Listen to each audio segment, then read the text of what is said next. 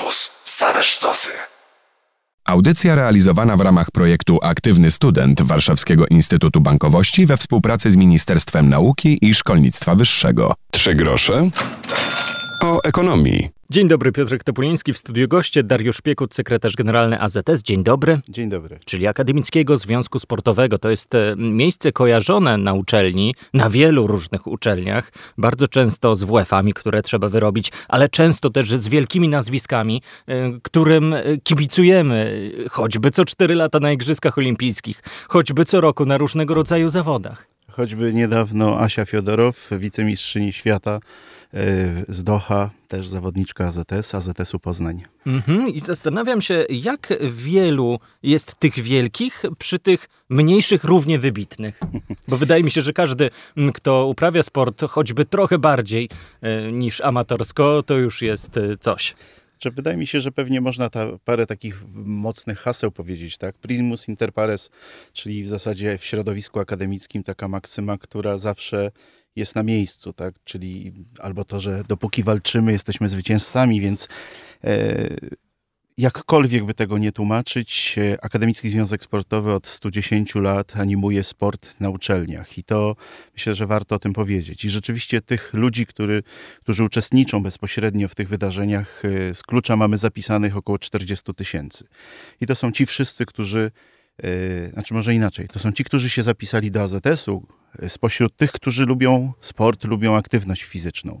Chcielibyśmy mieć ich więcej. No, pewnie to jest kwestia promocji, marketingu, dotarcia, ale z tej grupy tak naprawdę są to ludzie, którzy po pierwsze rywalizują w bardzo podstawowych formułach, takich jak ligi międzyuczelniane w każdym mieście, jak Akademickie Mistrzostwa Polski, jak Akademickie Mistrzostwa Europy i to jest ten obszar sportu uczelnianego, nazwijmy go powszechnego, chociaż myślę, że nie nazwałbym go tutaj, szczególnie w audycji, która idzie w eter, e, amatorskiego. E, on może nie jest tak wyczynowy, nie jest profesjonalny w rozumieniu komercyjny, zawodowy, natomiast e, myślę, że jest tutaj tego pewnego rodzaju zawodostwo każdego, który ten sport uprawia. Myślę, że każdy traktuje to poważnie, na miarę swoich możliwości, swoich e, zdolności, talentu, ale też możliwości, które między innymi stwarza AZS, czy inne organizacje, które zajmują się sportem na uczelni. Pyta Pytanie być może trochę filozoficzne, a na ile sport dzisiaj to pieniądze? Myślę, że są też w sporcie pieniądze. Znaczy w ogóle w sporcie są bardzo duże pieniądze i w sporcie akademickim też są. Tylko jest pytanie, o jakich pieniądzach mówimy, dla kogo, o jakiej skali. Bo na pewno w tym wymiarze uczelnianym, w sporcie powszechnym są to przede wszystkim pieniądze związane z tym, że stwarzamy możliwość, że są sekcje, że są zawody, że są wyjazdy na te zawody, e, że można, nie wiem, porządne stroje mieć, porządny sprzęt, którym się ten sport uprawia, e, w porządnych warunkach mieć profesjonalnego trenera. I to są pieniądze, które przede wszystkim zabezpieczają organizację tego sportu. Natomiast y, trochę wracając jeszcze do pierwszego pytania, w tym naszym sporcie mamy jeszcze oprócz tego wymiaru powszechnego, uczelnianego, y, sport, który na pewno nosi zmiana, znamiona już y, sportu profesjonalnego, zawodowego, wyczynowego, kwalifikowanego i szereg takich nazw, które w różnych miejscach się pojawiają, ale takich, które mówią o tym, że to już jest bardzo poważna sprawa. No i to przede wszystkim jest, są zawodnicy, którzy w klubach w dużej mierze, czy głównie akademickich, e, szkolą się w ramach programu Akademickie Centrum Szkolenia Sportowego. Są to zawodnicy, którzy już posiadają odpowiednią klasę sportową, odpowiednie e, sukcesy, startują w akademickich mistrzostwach świata, startują w uniwersjadach, czyli takich igrzyskach dla studentów, często niezauważanych, często niedocenianych, dlatego że mm, to media kreują pewien wizerunek sportu. E, I myślę, że niestety czasami pomijają. W tym roku mieliśmy akurat dwie uniwersjady: zimową w Krasnojarsku, letnią w Neapolu. Duże wydarzenia, o których u nas mówiliśmy, bo to. Wiem. Akurat tutaj mówię bardziej ogólnie o tym, mm -hmm. że mhm. e, może w domyśle telewizję, tak, które może produkcja materiałów z takich wydarzeń jest e, nie wiem, droższa, mniej opłacalna. E, no ale Eurosport, e, telewizja Polsat Sport, TVP Sport w tym roku pokazały bardzo dużo materiału z uniwersjat e, i myślę, że ci, którzy tam bywają, wiedzą, że jest to w zasadzie poziom organizacji Igrzysk Olimpijskich. Tyle, że są kryteria wieku. Trzeba być studentem, trzeba mieć między 18 a 25 rokiem życia i to, to są dwa podstawowe kryteria, które pozwalają startować w uniwersjadzie.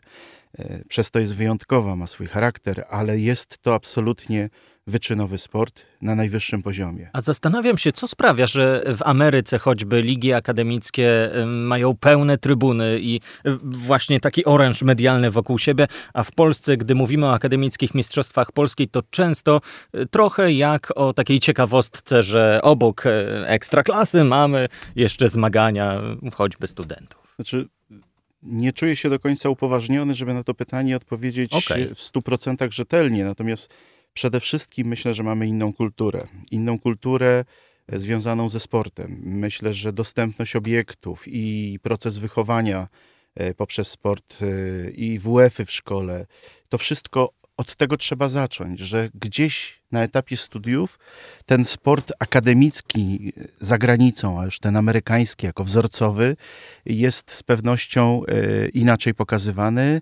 To jest inny system finansowania, inny system prawny, inne warunki, e, no i też wiele lat doświadczeń w przygotowywaniu takich lig, które się odbywają za granicą. My mamy nie najgorszy system, ale rzeczywiście jest tak, że ligi państwowe wypierają sport akademicki atrakcyjnością. Myślę, że yy, powiem, masa programów telewizji bezwartościowych mogłaby być zastąpiona relacjami z zawodów akademickich, bo one są naprawdę sportowo na wysokim poziomie. No tylko, że nikt ich nie pokazuje, bo być może, nie wiem, reklamy się nie sprzedają przy tej okazji aż tak dobrze. E, no i to są lata pracy, żeby wyprowadzić pewną świadomość, bo jeśli chodzi o sport, poziom sportowy, to myślę, że nie mamy się czego wstydzić. E, nie wiem, no, chociażby pokazywane Mistrzostwa Polski w lekkiej atletyce. E, wszyscy tam oglądają zmagania lekkoatletów, a ogromna większość z nich to zawodnicy, którzy normalnie startują w uniwersjadach, to są akademicy, to są ci, którzy mają aktualny status studenta, studiują i łączą treningi, także to też jest dosyć e, ważna sprawa. A to w takim razie może trochę o tym życiu studenta, sportowca porozmawiajmy, bo często sobie nie zdajemy sprawy z tego, że choćby Justyna Kowalczyk to jest pani doktor. No tak, ale Justyna Kowalczyk e, swój dyplom doktora zrobiła po zakończeniu kariery, co oznacza, że w trakcie kariery sportowej E, ukończyła studia, zdobyła tytuł magistra. Oczywiście studenci sportowcy mają troszeczkę inny tryb studiowania, no bo trudno połączyć, szczególnie na tak wysokim poziomie sportowym, kiedy e, proces treningowy, szkoleniowy zabiera masę czasu, jest się poza domem, poza miejscem uczelni, więc to są ITS-y, tu chwała i w zasadzie głębokie ukłony w stosunku do władz rektorskich, że stwarzają takie warunki.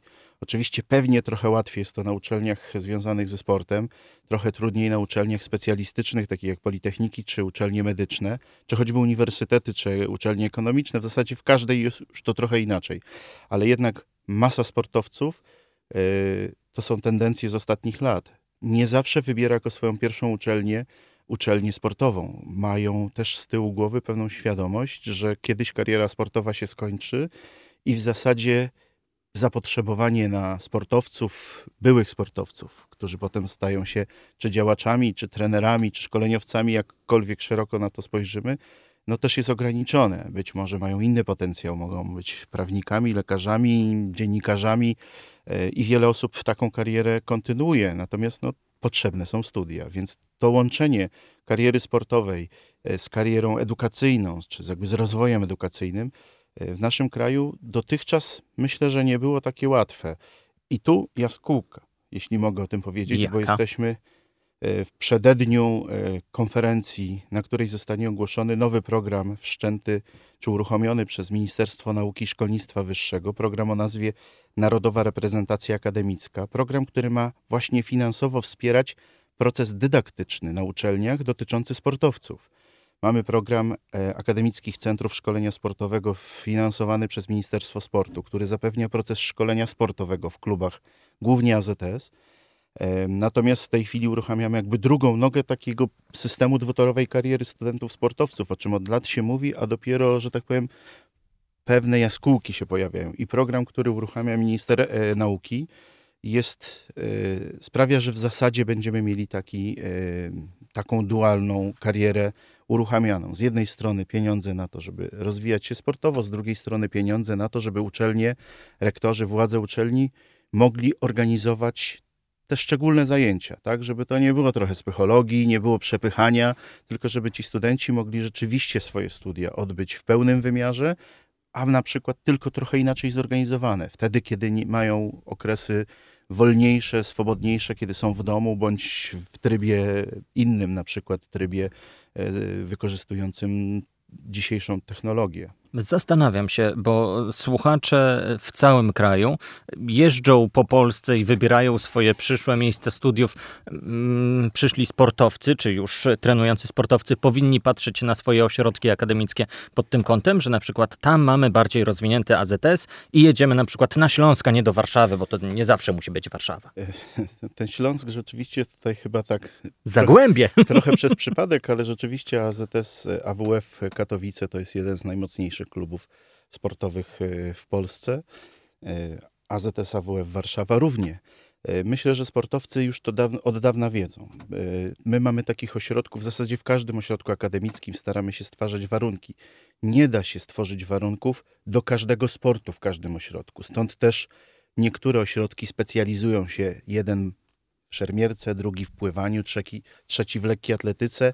Oczywiście w wielu miejscach powtarzają się te sporty, bo niektóre są dużo bardziej popularne od innych. Natomiast rzeczywiście e, myślę, że już studenci, znaczy jeszcze nie studenci, ale sportowcy, którzy szukają swojego miejsca na uczelni, nie tylko patrzą, która uczelnia da im jakie możliwość wykształcenia, ale również patrzą, jakie jest zaplecze sportowe w danym ośrodku akademickim. No i myślę, że stara, będziemy się starać to sukcesywnie podnosić, bo to nie jest takie proste. To jest tak, że rzeczywiście nawiązując do tego systemu amerykańskiego, no przede wszystkim pieniądze są potrzebne. Nie dlatego, że tu ktoś jest pazerny, tylko to naprawdę um, niektórzy myślą, że to się bierze tak nie wiadomo skąd, z kosmosu, a to jednak jest praca wielu osób. E, prosta rzecz, biuro, księgowość, te wszystkie e, programy są programami bardzo, bardzo finansowo obostrzonymi, tak? więc ktoś musi to robić profesjonalnie. Nie da się tego zrobić ad hoc. Poza tym, że rzeczywiście trzeba mieć odpowiednich trenerów, odpowiednią bazę sportową, więc taka dyspozycyjność, którą AZS od wielu lat reprezentuje i jeszcze robi to systemowo, przez to, że jesteśmy jednym stowarzyszeniem, które ma oddziały w całej Polsce, e, myślę, że też sprzyja rozwojowi. Chce zaznaczyć, bo pewnie będą słuchać tego wszyscy, nie tylko ludzie z AZS-u, że absolutnie nie zawłaszczamy tej, tego obszaru, że jest jeszcze mnóstwo klubów, które wykonuje bardzo dobrą pracę, bo przecież na nasze uniwersjady, znaczy akademickie igrzyska jeżdżą studenci nie tylko z AZS-u, po prostu jeżdżą najlepsi studenci, sportowcy z różnych klubów, z różnych klubów w Polsce w zależności od dyscypliny. I w wielu klubach ta praca jest wykonywana na wysokim poziomie, więc zakładam, że nowy program sprawi, że chociażby na, na przykład rektorzy, którzy dotychczas stwarzali studentom warunki, dostając środki z klucza na to od ministra, będą mogli te dotychczasowe przeznaczyć właśnie na to, żeby wesprzeć może jeszcze inny obszar. Może, nie wiem, e, stołówka, może akademik, tak? może też warunki socjalne, bo e, sportowcy w Polsce według mnie ci na najwyższym poziomie e, naprawdę nie mają źle to z różnych programów są finansowani. Programów ministra sportu, programów kadrowych. Natomiast często gdzieś się zapomina o tym zapleczu, o tym, że nie jednak wracają nie wiem, do domu albo muszą z tego domu wyjechać, zamieszkać gdzieś i to, tutaj wymaga to wszystko naprawdę ogromnej pracy. To są ogromne pieniądze, bo o pieniądzach było pytanie. Ja poszedłem w tą stronę, ale zakładam, że pytanie miało trochę inny sens, czy na tym sporcie można zarobić. Pewnie tak. Myślę, że można. Znaczy, znaczy, jestem pewien, że można. Tyle, że nie na każdej dyscyplinie. Są dyscypliny, które są e, z racji swojej popularności medialnej, są dużo bardziej, że tak powiem, kasodajne. Pewnie lekkoatletyka. Tak, no chociażby te wszystkie mitingi komercyjne e, to są mitingi, w których zawodnicy za udział chociażby dostają pieniądze, za wyniki dostają pieniądze. No i oczywiście one się im należą, tak? Skoro ktoś to robi dla komercji, chce pokazać sportowców najlepszych u siebie, no to musi za to zapłacić i czymś kusić. No pieniądze to jest ten moment. E, no oczywiście nie mówię o piłce nożnej, to jest pewnie samo przez się się rozumie. E, czy w wszystkich sportach, e, które są prowadzone przez polskie związki sportowe na tym poziomie najwyższym. Zresztą pewnie odpowiednio w zależności od dyscypliny i związku też te pieniądze nie są najmniejsze, ale w tych y, ligach państwowych, w ekstraklasach różnych dyscyplin startują zespoły akademickie. Czasami nie są to czysto akademickie, one są z nazwy, prowadzi je AZS. Tam, gdzie to jest możliwe, to nie są tylko studenci, no ale tam też są już duże pieniądze. Tak? To pewnie wszędzie jest jakaś tajemnica, poufność e, różnych umów, ale mamy świadomość, że jeżeli e, w ekstraklasie piłki siatkowej, tak, Pewnie, żeby być w pierwszej czwórce, trzeba mieć budżet na poziomie powyżej 5 milionów, może nawet 10. To zależy też jaki zespół, jak prowadzony, ale dzisiaj to jest taki poziom, tak? To, to, to te pieniądze idą na różne rzeczy, w tym również na garze dla zawodników, tak? E, nie są wprost dzielone. Także na pewno można zarabiać. Można zarabiać na organizacji imprez, jeżeli to są sporty, które się dobrze sprzedają, natomiast AZS myślę, że też korzysta z pewnego potencjału, robiąc szereg imprez komercyjnych dla firm, e, dla różnych podmiotów, które szukają dobrego organizatora. No i w tym rozumieniu też można na sporcie akademickim e, zarabiać pieniądze, chociaż to nie są pieniądze, które, że tak powiem, mają tych zer pojedynce bardzo dużo, ale pozwalają zachować pewną stabilizację naszej struktury, pozwalają zarobić ludziom, wolontariuszom. O, słowo wolontariusz teoretycznie kojarzy się z tym, że to jest praca za darmo, natomiast no, nie oszukujmy się, dzisiaj nawet symboliczne e, e, pieniążki trzeba zapłacić, zwrot kosztów i nie wiem, ubrać ludzi, pewnie trzeba im coś dać, bo oferta na rynku pracy jest bardzo rozległa. I żeby mieć ludzi do pracy, a szczególnie takich, którzy są przygotowani do niej, to chyba już powoli e, ten słowo wolontariat zmienia swoje, swoją definicję. Nie dlatego, żeby ją defraudować i komercjalizować, tylko po prostu taki jest rynek pracy. To na koniec naszej rozmowy jeszcze spytam. Początek roku akademickiego to pewnie dla wielu trenerów, czy na WF-ach, czy w sekcjach, to jest trochę czas łowienia talentów i przyglądania się tym nowym. Chyba, że nowi sami się zgłaszają i mówią, że oni już coś robili w liceum sportowym, klasie sportowej i teraz chcą robić coś więcej. I tu znowu pewnie trzeba by spojrzeć trochę na ten sport y, poprzez te dwie nasze podstawowe nogi, czyli nogę powszechnego sportu, uczelnianego, takiego amatorskiego, ale nie w rozumieniu byle jakiego, tak? tylko uprawianego trochę w inny sposób, z innych pobudek, w innym czasie i tego sportu wyczynowego. W tym sporcie wyczynowym te talenty są złowione już dawno. To nie jest ten moment łowienia, tak? to jest ten moment, łowi się talenty bardzo wcześnie w, te, w tej chwili trenerzy, w zależności oczywiście od dyscypliny, ten moment największego rozwoju, startów w zawodach młodzieżowych. Chcę tylko dodać, że to jest taki system współzawodnictwa dzieci i młodzieży i co roku podsumowywany na 4000 klubów e, w tej klasyfikacji. Kluby AZS-ów w pierwszej dziesiątce jest ich 8. Więc jakby specjalizujemy się w łowieniu talentów, ale na, już na tym momencie. Od młodego. Bardzo wcześnie. Natomiast jeśli chodzi o sport uczelniany, to oczywiście może trudno powiedzieć o łowieniu talentów, ale to jest bardziej taka praca związana z tym, żeby stworzyć sekcję, stworzyć reprezentację uczelnianą, zbudować pewną tożsamość wokół uczelni, bo szczerze mówiąc, to, że klub jest na uczelni, to oczywiście jest to klub AZS, ale to jest klub AZS Uniwersytetu Warszawskiego, Politechniki Gdańskiej, nie wiem, Uniwersytetu Przyrodniczego we Wrocławiu. To jest zawsze e, połączone z uczelnią i my staramy się budować taką tożsamość uczelnianą. Mówić, możesz być w reprezentacji uczelni, tak? To jest coś wyjątkowego, bo przez kilka lat będziesz tu studiował czy studiowała. E, jeżeli masz doświadczenia, związane ze sportem, bycia w sekcji, w klubie, wcześniejsze, zapraszamy. I to jest trochę takie budowanie pewnej społeczności sportowej. Pewnie wygląda to jak łapanie talentów, natomiast e, w tym wymiarze to zachęta do tego, żeby ludzie chcieli poświęcić swój czas. Ten, który być może kiedyś zainwestowali w swój rozwój, swój potencjał sportowy. Mamy takie doświadczenia, często odłożony na zasadzie moja kariera się skończyła, bo na pewnym etapie nie osiągnąłem wyników.